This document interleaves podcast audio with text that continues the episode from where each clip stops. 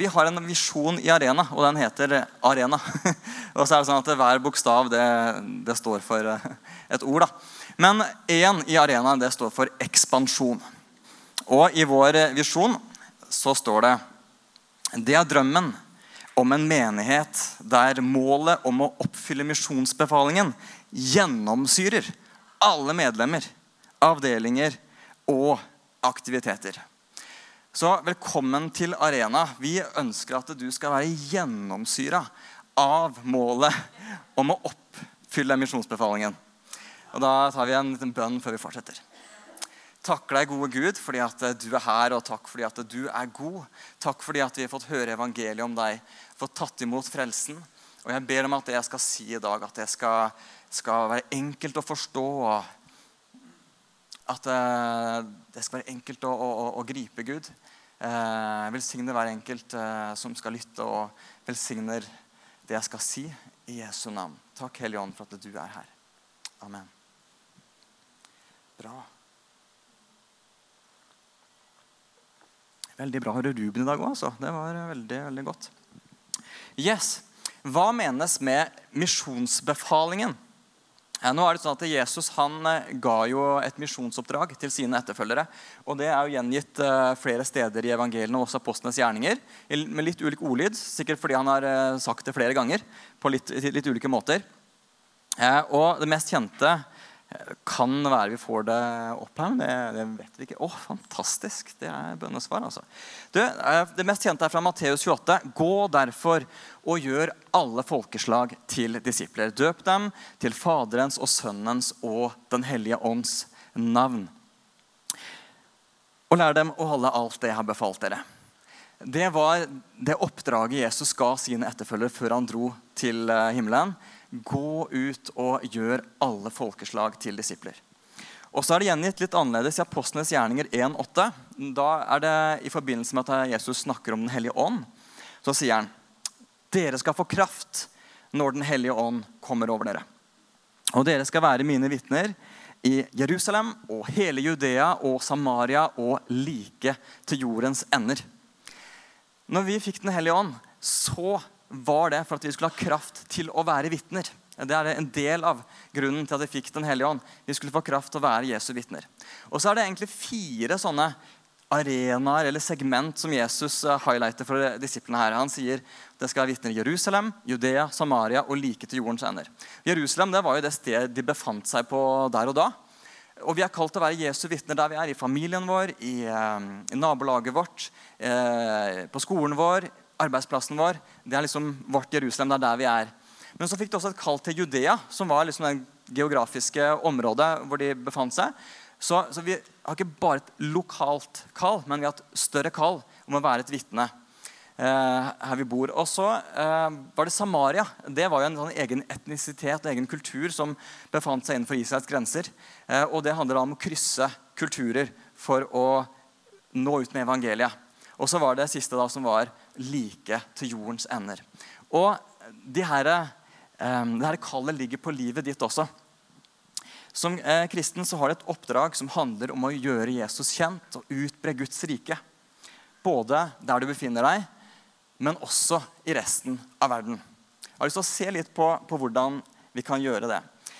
Rick Warren han er kjent for en del, bl.a. for boka 'Målretta liv', eh, som han har skrevet. Solgt i millioner eksemplarer. Eh, og Der har han fem hensikter som han sier at alle kristne er skapt for. Og Den, den siste han trekker fram, det er at du er skapt for et oppdrag. Og Der skriver han i boka si hvis du vil bli lik Jesus, må du ha et hjerte for hele verden. Du kan ikke slå deg til ro med at bare familie og venner kommer til Jesus.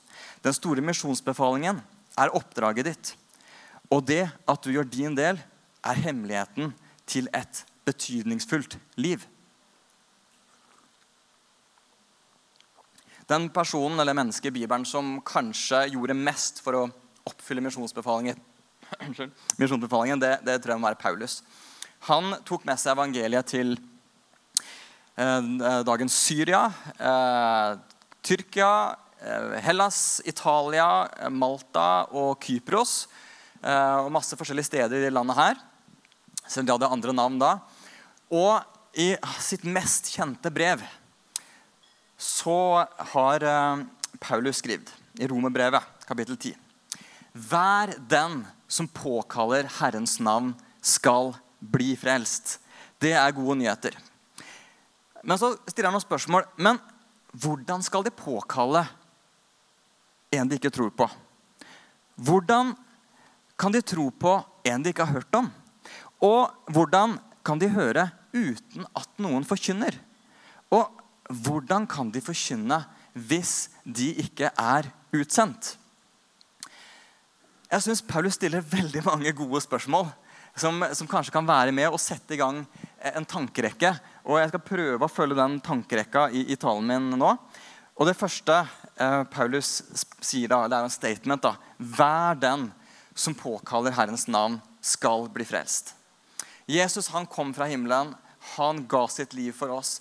Han sto opp fra de døde. Han beseira døden. Han åpna en vei til Gud. En ny og levende vei som er så Gud er tilgjengelig for alle. Og det er fullført. Det er ferdig. Vi trenger ikke å gjøre noe med, trenger ikke legge noe til. Men Jesus har ordna det sånn at hver den som påkaller Herrens navn, skal bli frelst. Men eh, ja, kan også legge til at altså, Jesus døde jo nede i Jerusalem for lenge siden. Men det var jo ikke bare for jødene han døde. Det var ikke bare for de som levde den gangen.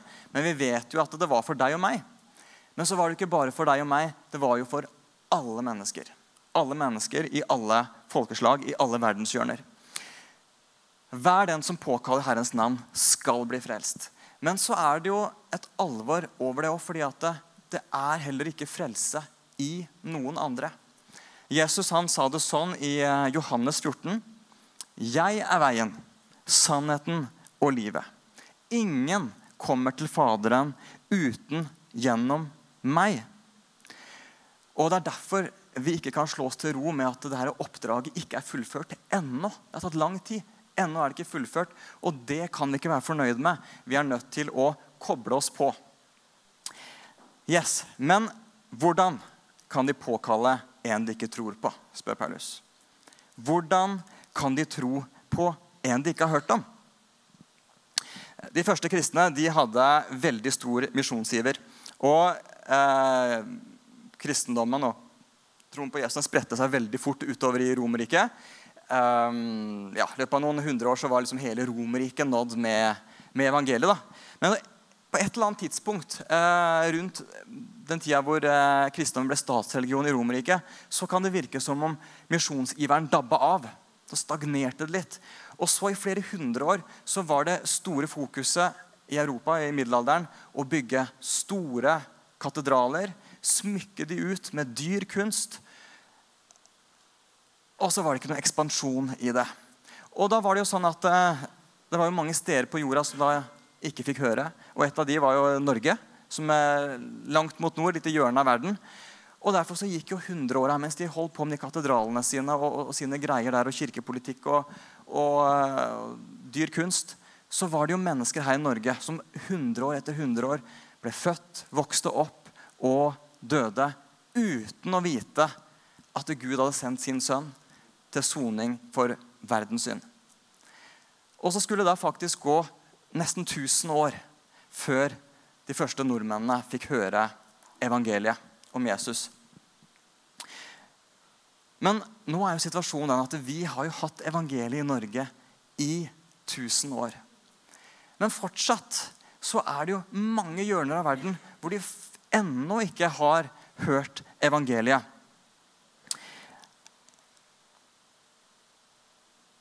Hvordan er egentlig situasjonen i verden nå? Jeg skal ha litt tall i dag. Ikke fryktelig mye, men jeg skal ha litt tall.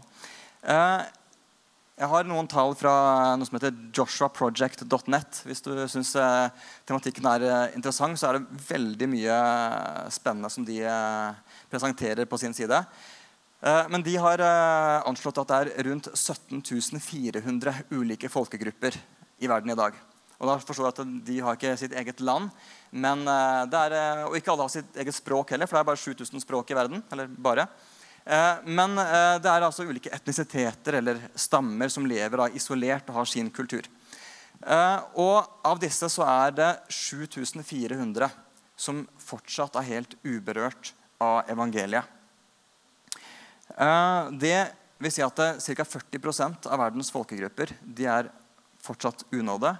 Og de utgjør også ca. 40% av verdens befolkning. Så selv i dag, 2000 år etter oppstandelsen, så er det fremdeles hundrevis av folkegrupper uten noen troende. Tusenvis av eh, språk uten Bibelen. Det er eh, millioner av steder uten noen kirke. Og det er milliarder av mennesker som er på vei til evigheten uten å vite at Jesus er veien til Gud. Med mindre alle kristne bretter opp armene og sier dette vil vi gjøre, dette vil vi gjøre noe med. Her vil vi gjøre en forskjell. Paulus han tok jo med evangeliet til Efesos. Og så Senere skriver han et brev til efeserne. og Da skriver han Husk at dere en gang var uten Kristus, utestengt fra borgerretten i Israel, uten del i paktene og løftet, ja, uten håp og uten Gud i verden. Og jeg tenker at Vi må også huske på at en gang så var det Norge og vi som bodde her. Det er ikke alle som kommer fra Norge som er det er jeg klar over. Men en gang så var det vi som var uten Gud, uten håp. Og så vet vi at det er mennesker der ute nå som har null sjanse til å få høre de gode nyhetene om Jesus, med mindre det er noen som oppsøker dem og forteller dem det.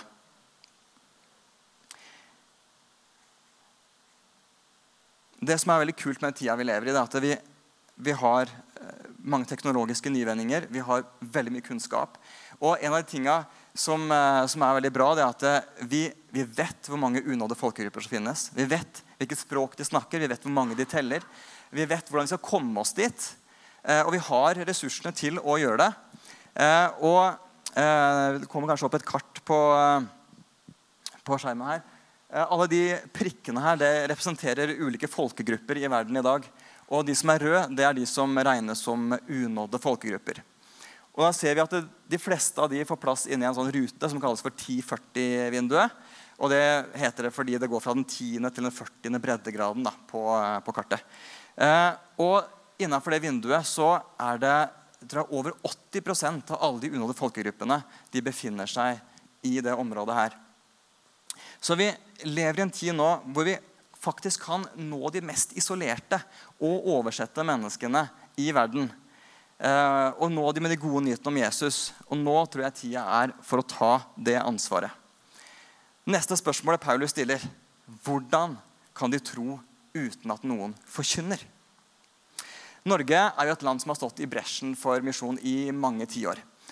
Jeg tror eh, Ca. 150 år har Norge vært tungt inne i verdensmisjon. Og I lang tid var også Norge et av de landene, eller kanskje det landet i verden som sendte ut flest misjonærer i forhold til folketallet. Eh, men så kan det kanskje virke som at jo rikere vi har blitt i Norge, jo mindre har fokuset blitt på de som ennå ikke har hørt om Jesus. Og nå eh, synker jo andelen misjonærer fra Norge.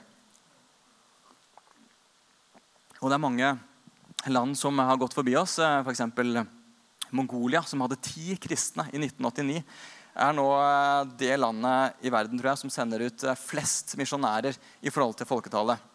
De har 80 000 kristne i Mongolia nå.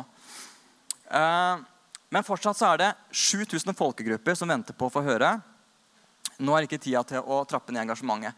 Så er det en ting som gir håp. da, fordi at Selv om misjon, sånn ytremisjon går kraftig ned i Vesten, så er det helt andre land som kommer på banen. og det tror jeg vi har et bilde av det også.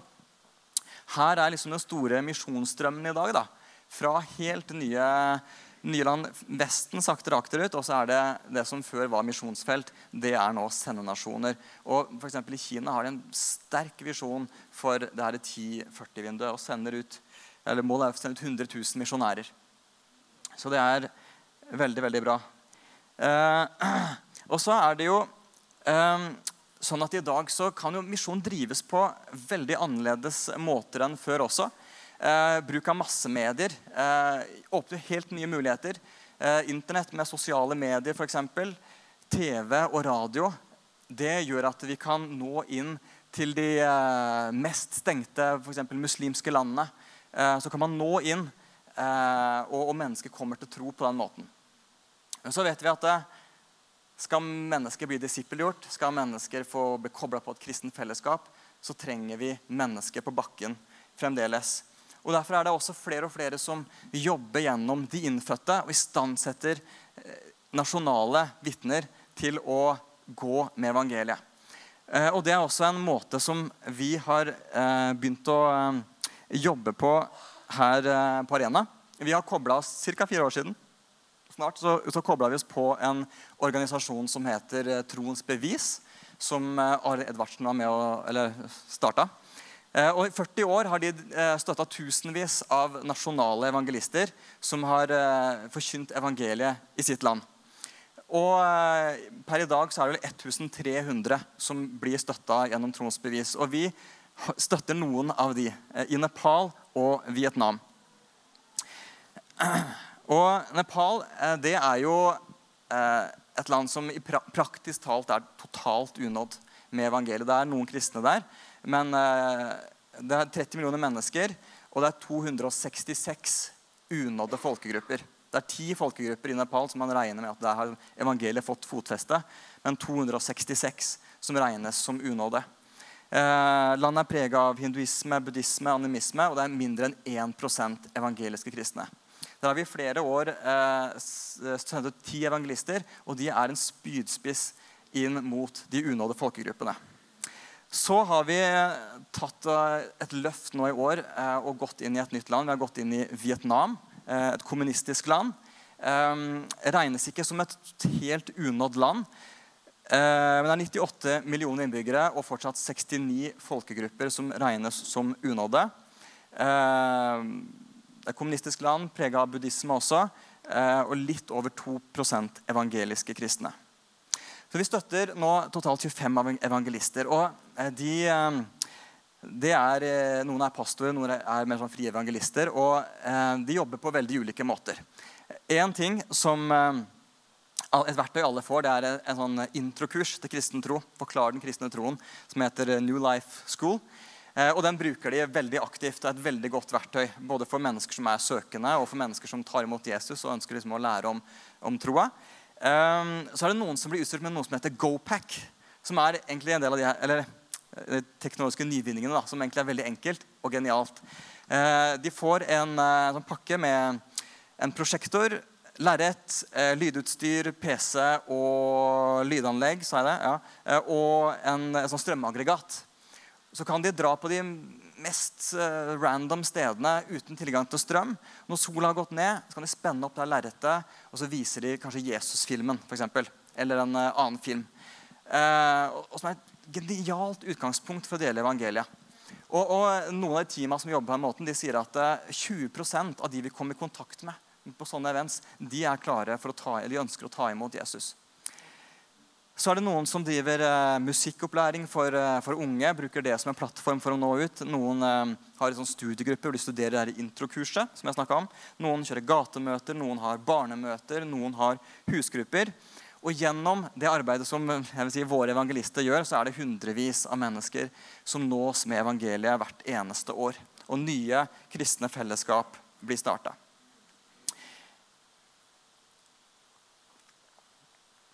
Jeg har lyst til å fortelle om eh, en av evangelistene i Vietnam. Jeg tror vi kan få opp et, eh, et bilde her også. Um, han, han dro til en ny provins og hadde et hjerte for å starte en kirke i den provinsen. Så kommer han ned dit, eh, og så opplever han at det er massiv motstand mot å etablere den kirka. Og myndighetene er veldig tydelige på at eh, vi skal ikke ha noe kirke her. Og så blir han tvunget til å, til å, gå inn for Gud i bønn. og han eh, opplever når han er for Gud i bønn, at Gud begynner å jobbe i ham. begynner han å gråte. og Så begynner han å få et sånt, sånt skifte, og så tenker han det her handler jo ikke om kirke eller ikke kirke. Dette handler om å elske de menneskene som er her, og å vise de Guds kjærlighet. Og Så går han ut på gata og så begynner han, han er i bønn og han går og ser de her menneskene. Og så plutselig blir han oppmerksom på det at det, det er veldig mange fattige som driver forretninger. Mange driver med, med kyllinger. Eh, men så ser han at det, de har jo egentlig kunnskap om hvordan de skal drive med høns. Så det gjør jo at eh, businessen går dårlig. De taper mye penger på virksomheten sin. Så han reiser hjem igjen. Han begynner å studere det her. Før han kommer tilbake igjen. Og så begynner han å oppsøke mennesker og ta kontakt med de og oppmuntre de, og så begynner han å gi litt sånn råd og tips om hvordan de kan drive med høns. hvordan de kan få den forretningen til å blomstre. Og så begynner det å skje noe. Og så begynner folk å oppleve at eh, økonomien blomstrer. De lykkes med, med forretningene sine. Og, eh, og plutselig så, så, blir det sånn skifte i hele byen. Og så kommer eh, myndighetene og sier til ham at vet du hva? Vi, vi, vi, vet hva du holder på med. Vi ser hjertet ditt. Vi liker det. Du skal få til å starte en kirke. Men så stopper det ikke der. fordi at I naboprovinsen så får de høre om det som skjer. Og eh, De tar kontakt og sier kan du ikke komme til oss og starte en kirke her også. For vi, vi ser at det her er bra for byen. Uh, og nå, denne Evangelisten han uh, leder en kirke nå med 30 familier som har tatt imot Jesus. Og guvernøren i nabodistriktet han, uh, han har invitert han til å komme dit også. Dette er noe vi får være med på. Kan ha en hyggelig golfklapp nå hvis det, hvis det passer.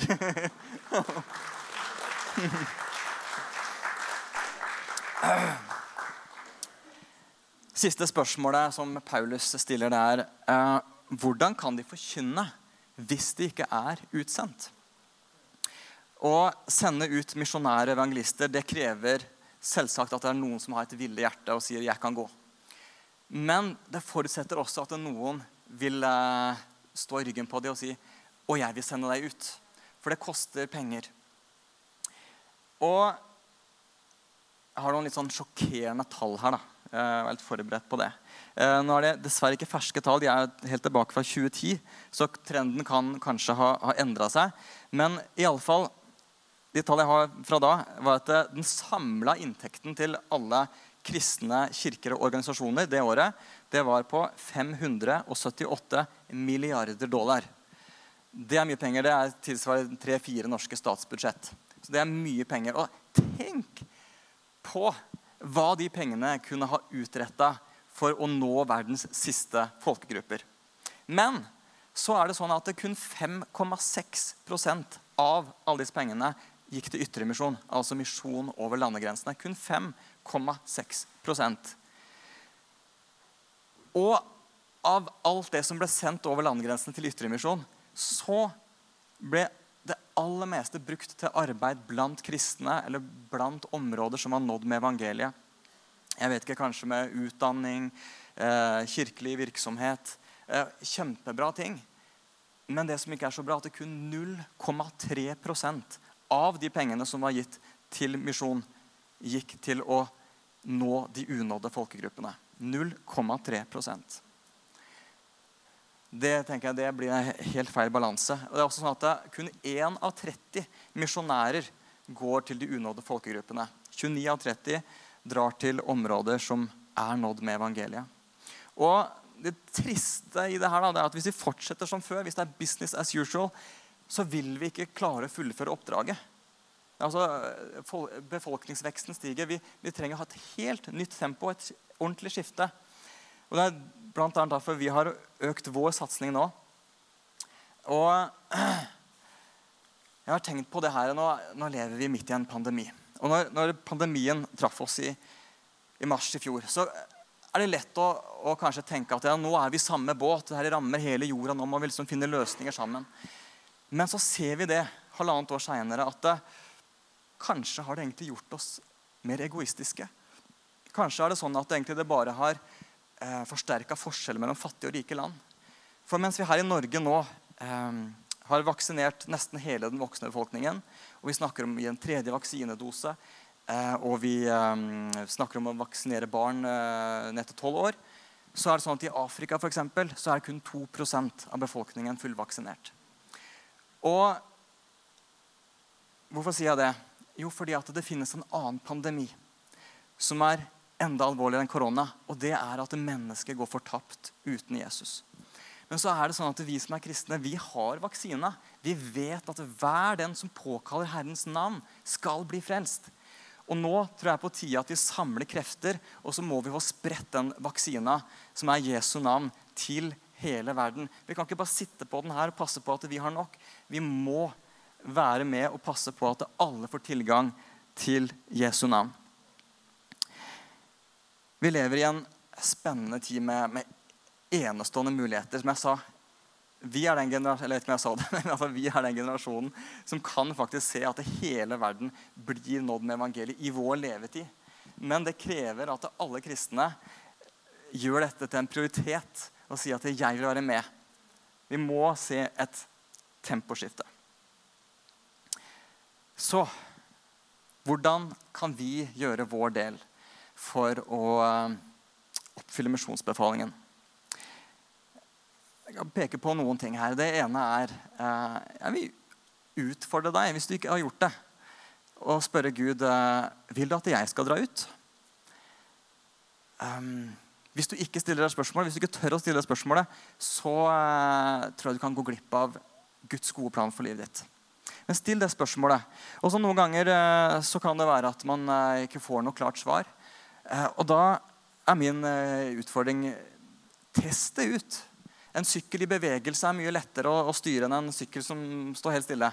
Eh, det finnes så mange muligheter nå til å eh, Mange misjonsorganisasjoner har mange muligheter til å dra ut på korttidsteam, bli med på ulike events, eh, bli med på kampanjer. Jeg og kona mi har besøkt flere misjonærer og vært med de i egentlig oppsøkt fremmede. Tatt, tatt kontakt. og det har vært med og besøkt de og sett arbeidet de driver. Det er mange muligheter. Jeg vil utfordre deg til å gripe en mulighet til å, Akkurat nå er det litt vanskelig med reising, men det, det kommer til å forandre seg. Test ut om det skal være noe du kan gjøre. En annen ting jeg vil peke på, Det finnes masse unådde folkegrupper i vårt eget land. Det er nemlig sånn at Mange av de landene som er totalt stengt for misjonærer, de opplever jo en flyktningstrøm som går mot Vesten. Og for min egen del, Hvis jeg bare går rett over gata ti meter, så kan jeg eh, hilse på folk fra Irak, fra Syria og Afghanistan. Eh, folkegrupper som er blant de i unåde hvor nesten ingen tror.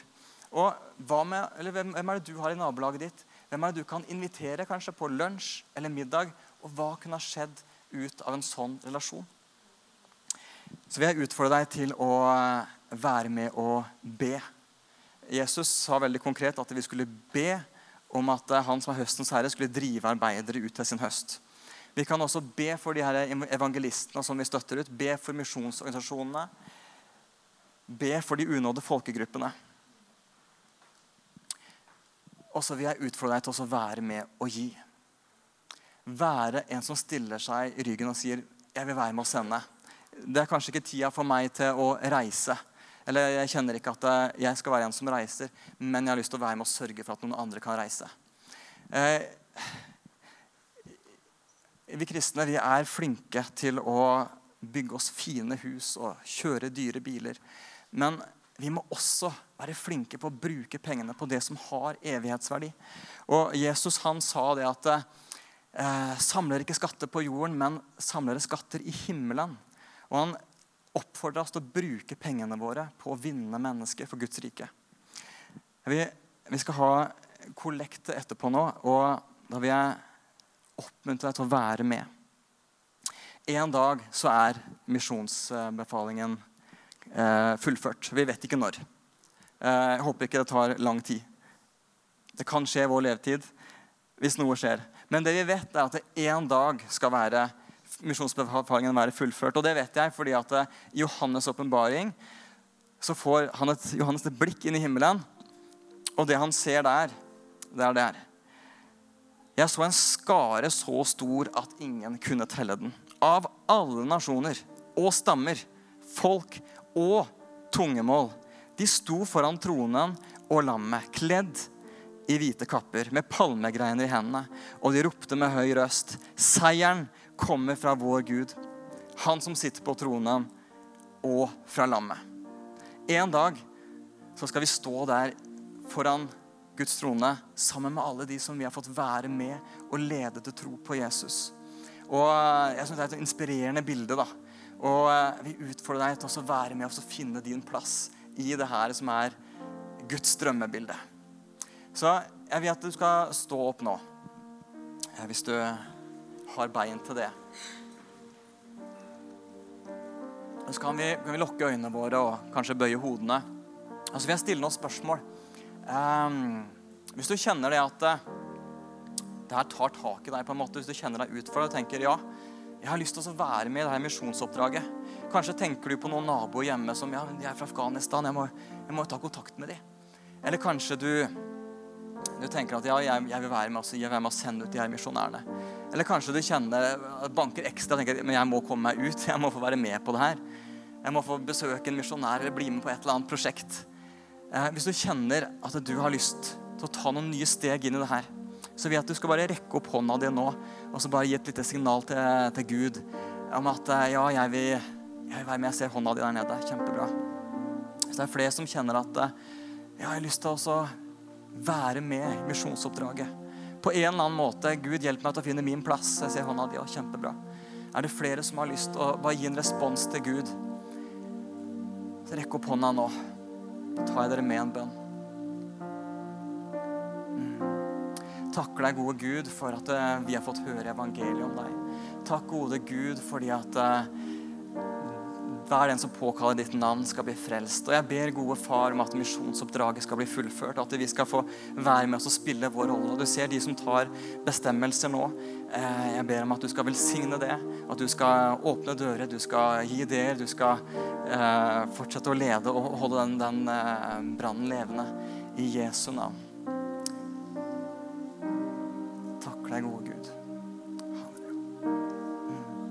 Jeg skal bare synge en, en, rolig sang nå som er en sånn overgivelse til Gud. Også. og så kan du få være innenfor Gud nå og gi din respons til Han på det som har vært, vært budskapet i dag.